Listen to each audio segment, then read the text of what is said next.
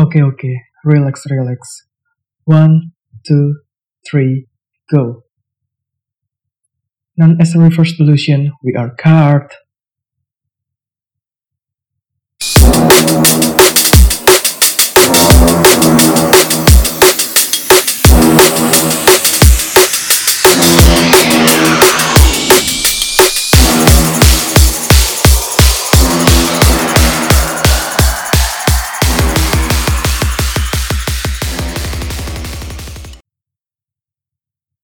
Hey guys, welcome to Card Radio, the all new radio podcast that we call Radio Pod. Perkenalkan, saya Narus, dan kali ini saya mau mempersembahkan ke kalian part 2 dari Radio Pod kita yang bertemakan Luka Nyata atau dokumenter Netflix yaitu Don't Fuck With Cats. Yuk, kita langsung saja dengarkan diskusi antara Linda dan Yuna lagi ya. Let's check it out. Kembali lagi bersama kita di Radio Podcast Radio Pod yang kali ini membahas tentang kisah Luka Manyata. Nah, ini ada aku sih berpenasaran di kali ini di bagian di narsisis di narsistiknya. Mm-mm. Jadi pas di dokumenter series itu diceritain gimana dia itu sangat terobsesi gitu dengan film yang dia tonton eh, eh, secara khusus di film Casablanca sama film Basic Instinct gitu kan. Mm-mm. ketika dia ditangkap waktu itu di Jerman dan dibawa kembali ke Kanada waktu itu diekstradisi. Di kan dia sempat itu diinterogasi sama pihak kepolisian Kanada. Dia terlihat di- dari rekaman di rekaman interogasi itu dianalisis ternyata posisi dia duduk itu eh apa ya meniru salah satu tokoh yang ada di film Basic Instinct gitu dari Mm. cara dia duduk cara dia minta rokok gitu kan itu semua Mm. terekam di CCTV dan buat, aku sebagai orang awam itu agak merinding gitu loh Eh, Iya. ya, berusaha berusaha membuat real life itu di dijadikan sebuah film itu apa ya mungkin ketika ketika uh, cerita eh, film bercerita tentang eh, kejadian nyata oke gitu. Tapi ketika eh, eh, kejadian nyata dibuat menjadi film apa ya kejadian nyata mau ia dramatisir menjadi sebuah film dan kebetulan case-nya ini Hmm. sebuah pembunuhan, sebuah dalam tanda kutip eh, pembunuh berantai gitu kan. Itu agak agak merinding sih. Nah kalau dari apa ya? Kalau menurut kamu gimana? Hmm, iya, itu salah satu sebenarnya eh, bentuk dari narsistiknya dia di mana eh, dia sangat apa ya, ketika dia apa ya self image terhadap dirinya sendiri kurang dan dia menonton film-film yang menurut dia itu menarik atau misalnya bagus atau misalnya secara nggak langsung bisa dikatakan bahwa film-film itu menjadi inspirasi bagi Luka Manyota ya. Eh, itu tuh memang apa ya itu sebenarnya nggak semua orang narsistik melakukan hal seperti itu kita nggak bisa ngomong kayak gitu karena Nah simptom-simptom ini juga Ya, ini juga yang harus di itu sih. Jadi mungkin ada orang yang narsistik tapi nggak semua orang narsistik tidak apa ya, akan bertindak seperti itu gitu. Kadang kita apa ya, ketika tahu narsistik tahunya yang jelek-jeleknya aja gitu. Karena kan nggak semua Hmm, narsistik tuh jelek. Iya. Jadi eh, biar lebih clearnya aja, takutnya ada salah persepsi terhadap narsistik eh, buat teman-teman semuanya. Jadi narsistik tuh sebenarnya lebih ke di mana di mana mereka tuh punya keinginan ekstrim se- eh, untuk dikagumi oleh orang lain, untuk disegani oleh orang lain, eh, untuk dianggap sebagai sosok yang apa ya eh, oh, superior lah gitu kayak gitu kan. Nah eh sebenarnya nggak semua orang apa ya eh, mungkin salah satu bentuk dari narsistik yang ditunjukkan sama Luka Manyata adalah itu di mana dia merasa bahwa eh, sosok di film itu tuh adalah keren sebagai sesuatu yang apa ya sosok di film yang dia jadikan inspirasi itu sesuatu yang sangat luar biasa sehingga dia mencontohi itu karena dia me- menginginkan mendapatkan at- apa ya apresiasi atau misalnya uh, pujian dari orang lain sama seperti orang lain memuji film itu gitu. Jadi dia mencontoh itu gitu. Karena dia ngerasa wah ini contoh yang baik nih yang bagus nih gitu. Bisa dapat pujian. Ah aku juga mau kayak gitu biar uh, dapat pujian juga. Nah itu yang apa ya mungkin salah satu yang membuat dia uh, terinspirasi dari film itu uh, bagaimana film itu dulu. Mungkin kita nggak tahu ya mungkin aku sebenarnya kurang tahu sesukses apa film itu pada zamannya. Cuman mungkin itu salah satu hal yang memotivasi dia untuk aku mau nih kayak gini gitu. Pengen di, dikagumi sama orang pengen disegani sama orang. Uh, dan dia tidak bisa membedakan antara apa ya antara dunia realita dan dunia film. Karena dia menganggap bahwa hidupnya sendiri adalah sebuah film secara nggak langsung ya mulai dari tindakannya dia yang dia kabur ngikutin film apa kabur ngikutin apa uh, dari gerak geriknya juga ngikutin apa dan dia ngerasa bahwa dia adalah aktor di kehidupannya nah dia agak kesulitan membedakan dunia realita dan juga dunia film yang dia ciptakan sendiri gitu. Nah, uh, itu sih paling kalau misalnya terkait dengan narsistiknya itu yang terkait dengan film-film yang dia tonton kayak gitu. Kayak gitu sih. Um, apa ya? Terus ketika ya tadi sempat kamu bahas juga uh, tentang aspek dari orang tua gitu ya. Nah itu kita juga di, di ditampilin di episode 3 ini di episode 3 di dokumenter series itu kita cuma dikasih sebagian kecil gitu mm -hmm. uh, tentang ibunya ibunya ternyata emang ibunya yang cuma cuma ibunya aja yang mengasuh dia tapi apa ya kita kayak di penggiringan opini gitu ketika udah oh utamanya ini jahat jahat jahat terus tiba-tiba uh, ditampilin uh, interview dengan ibunya dengan menyangkal semuanya gitu apakah ibunya sendiri juga uh, sorry bukannya menyetujui penggiringan opini yang sudah dilakukan selama hidupnya? Series tapi apakah ibunya sendiri memang punya apa ya punya gangguan yang sama seperti luka Manita karena kalau dengar pendapatnya dia dia tuh merasa yakin banget gitu loh pak. Terutama ketika dengan ketika dia menjelaskan uh, karakter Manny yang diceritakan sama Luka itu. Hmm. menurut kamu Oke, okay, kalau menurut aku ya seperti kita tahu lah ya namanya industri film selalu berusaha untuk membuat film ini menarik. Aku nggak bisa mengatakan apakah seri series Netflix ini menggiring opini kita untuk menyalahkan luka atau tidak tapi memang uh, kami uh, dari maksudnya kami mahasiswa psikologi biasanya terbiasa untuk mengambil apa ya berusaha untuk bersikap netral tidak positif maupun negatif maksudnya uh, untuk melihat segala sesuatu tuh uh, secara general gitu secara menyeluruh gitu uh, apa ya? Hmm, kalau bisa dibilang dari gimana ya? Dari yang sudah terkonfirmasi memang ibunya ada gangguan tapi bukan gangguan personality tapi gangguan uh, fobia terhadap kuman atau germs. Jadi ibunya sangat mencintai kebersihan dan lain sebagainya. Untuk terkait dengan gangguan personality atau gangguan kepribadian itu memang belum ada diagnosanya. Cuman ketika di film itu dinyatakan bahwa ibunya sangat meyakini adanya tokoh Manny kemudian um, membenarkan apa gimana saya tidak langsung membela anaknya. Kalau aku menganggapnya itu bukan salah satu eh, gimana itu adalah insting seorang ibu kalau menurutku.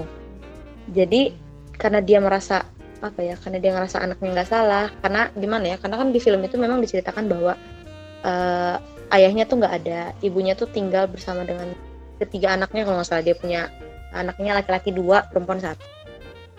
Dan apa ya itu adalah menurutku itu adalah insting seorang ibu di mana dia berusaha untuk membela anaknya. Walaupun apa ya walaupun dia sebenarnya secara nggak langsung menutup matanya untuk melihat fakta. Soalnya kita juga sebenarnya masih belum tahu ya apakah sosok Manny ini uh, nyata atau tidak. Mungkin di film itu dinyatakan bahwa suatu hal yang fiktif. Cuman aku masih 50-50 meyakini apakah Manny itu hanya fiksional atau nyata gitu. Karena kita nggak ada yang tahu apakah benar tokoh itu nyata atau tidak. Cuman yang ibunya lakukan adalah pembelaan dari seorang ibu terhadap terhadap anaknya. Kalau yang aku lihat. Jadi bukan bukan karena ibunya juga meyakini apa yang diyakini oleh Luka tidak. Tapi lebih ke kayak insting orang tua untuk melindungi anaknya. Oh anak saya tidak bersalah. Ada orang yang mengontrol dia apa segala macamnya kayak gitu. Jadi dia sudah agak terbutakan oleh apa yang seharusnya dia lihat gitu. Dia lebih ke membela anaknya. Kalau kata aku sih gitu. Nah uh, terus mengenai uh, tadi sih masih masih bahas soal filmnya gitu ya. Film-film yang inspirasinya dia gitu kan. Dari si Luka Mandatanya sendiri apakah ya ini uh, kita sebagai orang awam uh, nggak apa ya, walaupun maniak banget soal film kita nggak pernah menjadikan film itu sebagai inspirasi untuk melakukan sesuatu yang jahat gitu. Nah di sementara si Luka Manyota sendiri dia tuh banyak aksi yang dia lakukan itu berdasarkan atau terinspirasi dari film. Hmm. Nah menurut menurut dan karena orang awam tidak terbiasa jadi banyak eh, bagi bagi orang awam bilangnya itu sebagai sebuah tindakan dalam tanda kutip jenius. Nah menurut kamu atau dari anak psikologi benar nggak sih itu termasuk kategori dalam tanda kutip jenius? Itu yang pertama. Nah ya, terus yang kedua jalan pikir otaknya utamanya itu eh, kan terangsang eh, untuk melakukan aksi-aksi itu. Nah itu hmm. eh, apakah itu termasuk mental illness juga? Nah apakah itu juga apa apa ya? Ya intinya sih gitu. Jadi apakah mental illness bisa memacu seseorang untuk berpikir secara dinamis apakah ada sindromnya apakah ada penyakitnya uh, uh, ada nggak sih? Gitu. Itu aja sih. Hmm, oke. Okay. untuk masalah dibilang jenius atau enggak hmm, sebenarnya untuk kasus untuk kasus luka manyota uh, untuk dibilang jenius aku merasa mungkin kurang tepat karena karena sebagian besar uh, tindakan dia itu terinspirasi dari film.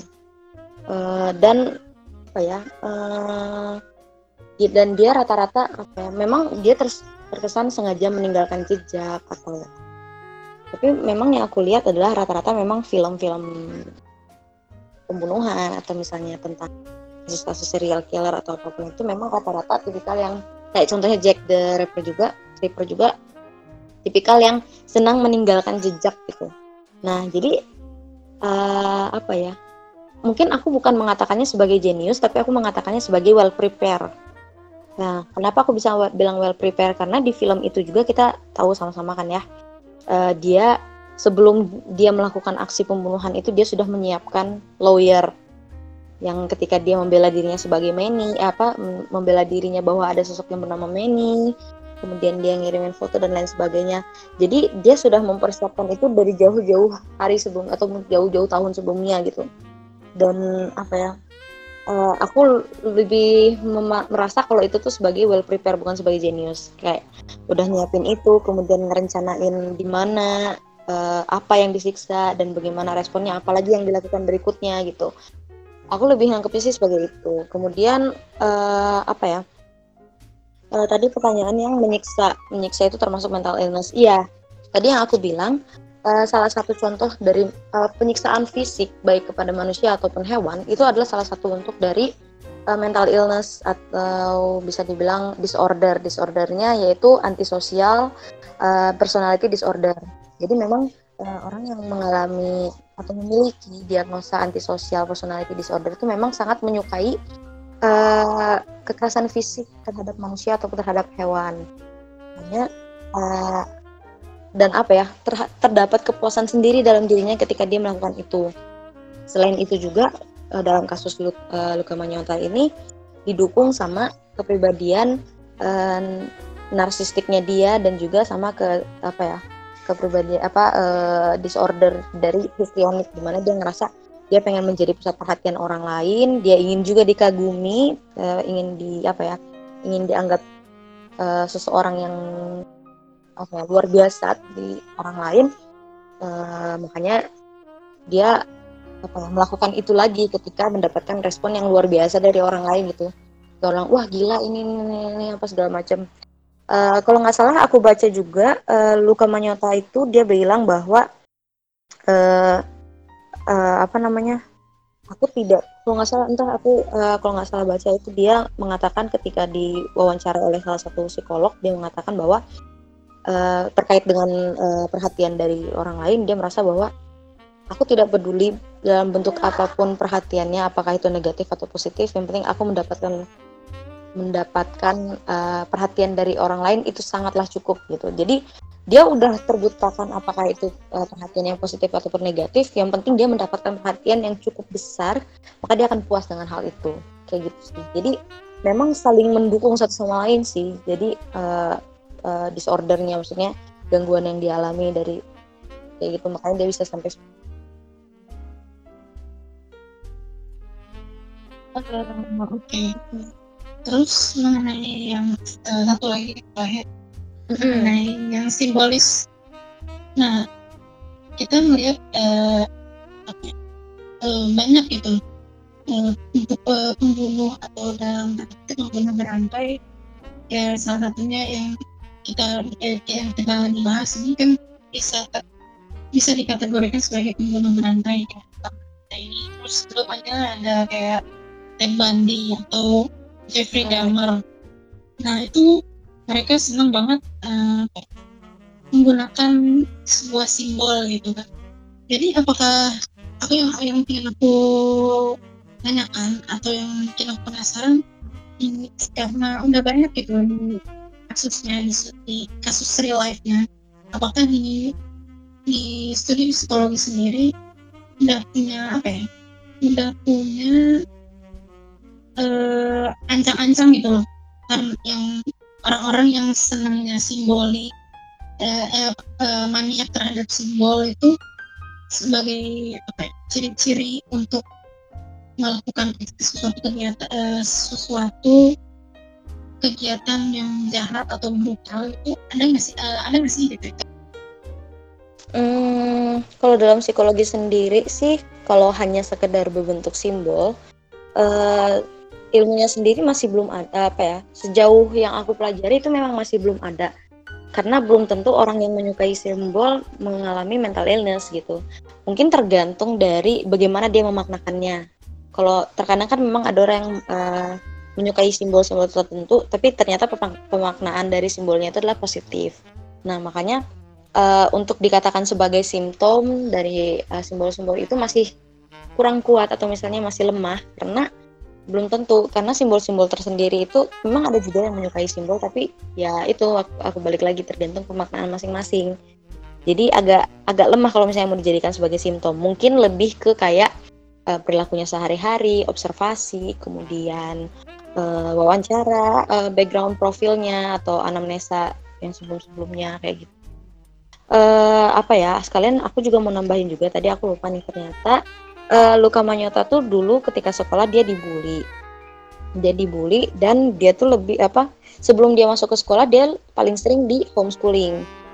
Uh, setelah di homeschooling baru masuk ke sekolah dan ketika sekolah dia dibully. Jadi memang dia tidak mendapatkan perhatian yang seharusnya dia dapatkan. Baik itu dari orang tuanya yang di mana orang tuanya berpisah kemudian ayahnya juga tidak ada di rumah ibunya juga apa ya uh, sebenarnya tidak dipaparkan dengan jelas apakah ibunya itu tipikal yang perhatian atau tidak sehangat apa hubungan dia dengan anak-anaknya.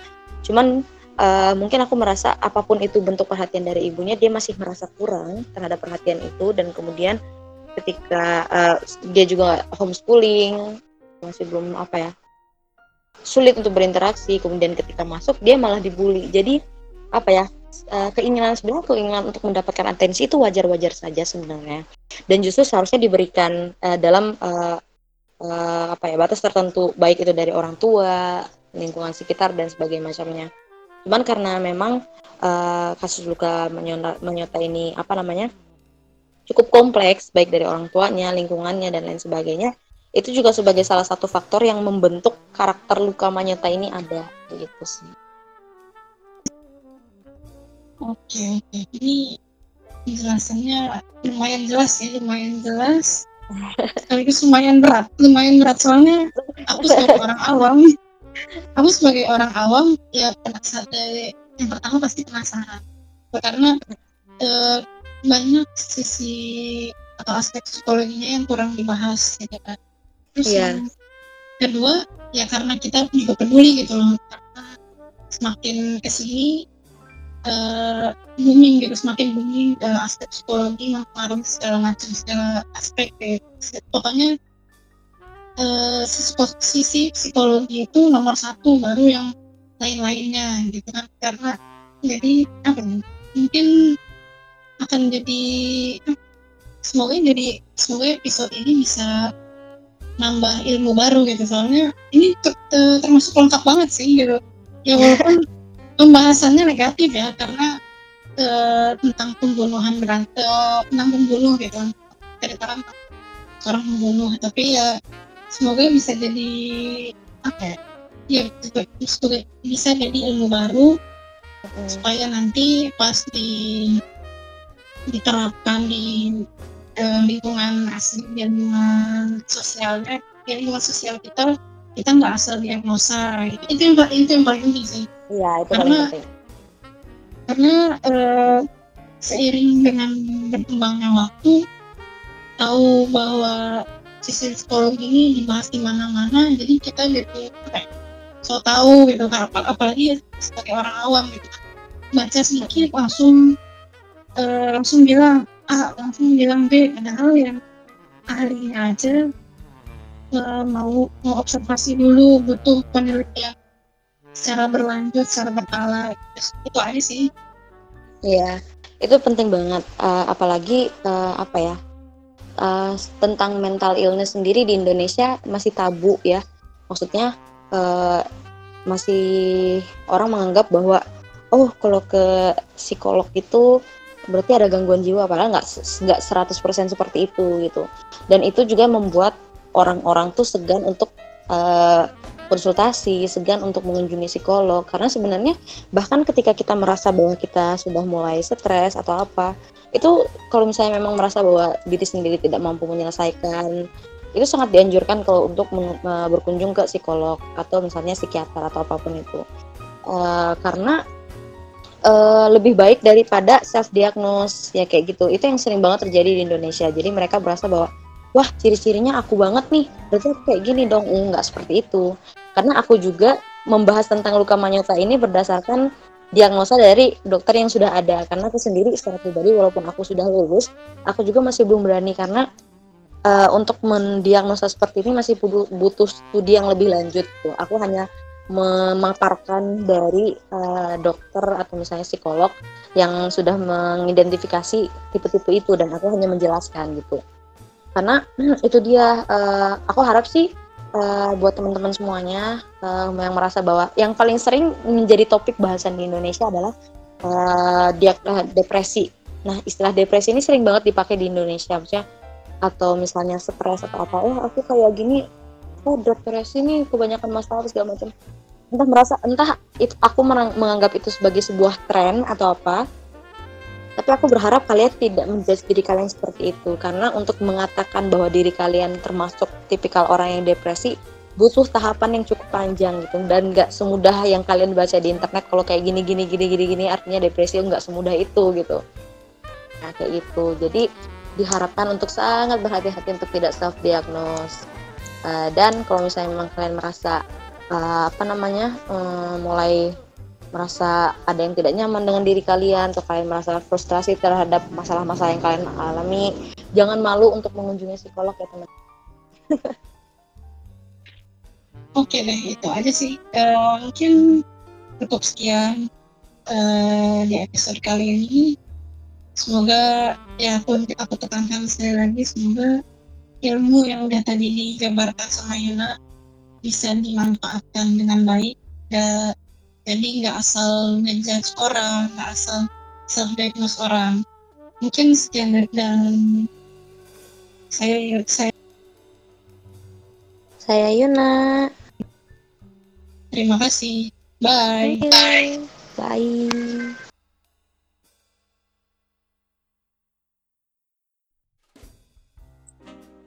Oke okay guys, itulah akhir dari part 2. Saran saya adalah sebuah masa depan atau perilaku anak itu tercermin dari lingkungan rumahnya. apa pun hal yang memengaruhi kesehatan mentalnya, semua itu berawal dari rumah. Untuk itu, jika ada teman kalian atau kalian sendiri merasa tidak pede dengan lingkungan kalian dan butuh teman untuk cerita, janganlah takut untuk berkonsultasi ke yang ahlinya. Janganlah pandang hal itu sebagai aib, tapi pandanglah hal tersebut sebagai sesuatu kasus yang kalian sendiri harus pecahkan dengan bantuan ahlinya. Mungkin pesan saya ini kurang tepat untuk beberapa dari kalian, namun garis besarnya saja ya. We are not God. We are only human. Kita adalah makhluk sosial dan kita tidak bisa menangani apa pun itu sendiri. Maka dari itu, bertukar pikiranlah sama yang lain. Oke, saya mau undur diri dan memutarkan satu lagu sebagai penutup topik kita kali ini, yaitu Lana Del Rey, Serial Killer, di cover oleh Ed Ray. Saya Narus, see ya!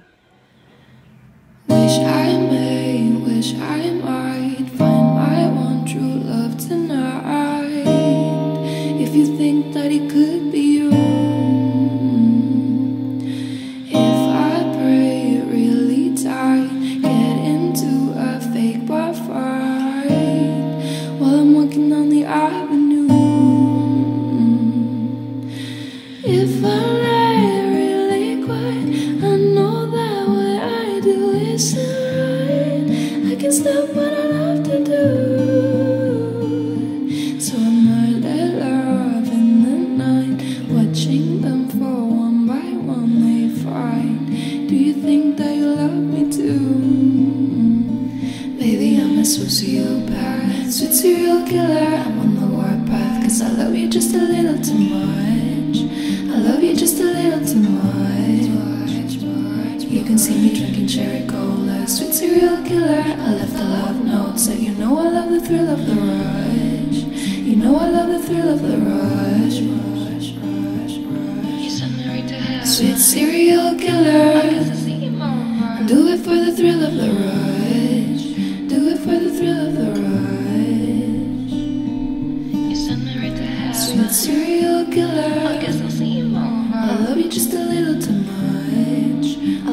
Just a little too much. My black fire is burning bright. Maybe I'll go out tonight. We can paint the town in blue. I'm so hot, I ignite, dancing in the dark, and I shine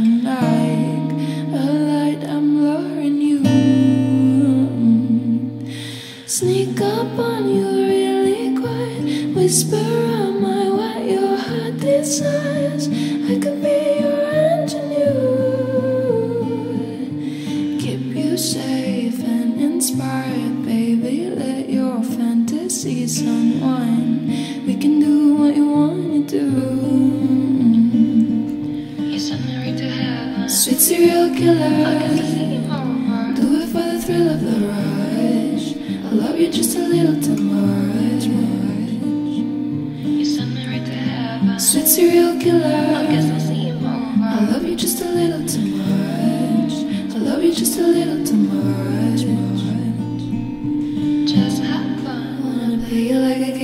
want one was the thrill of the same toilet?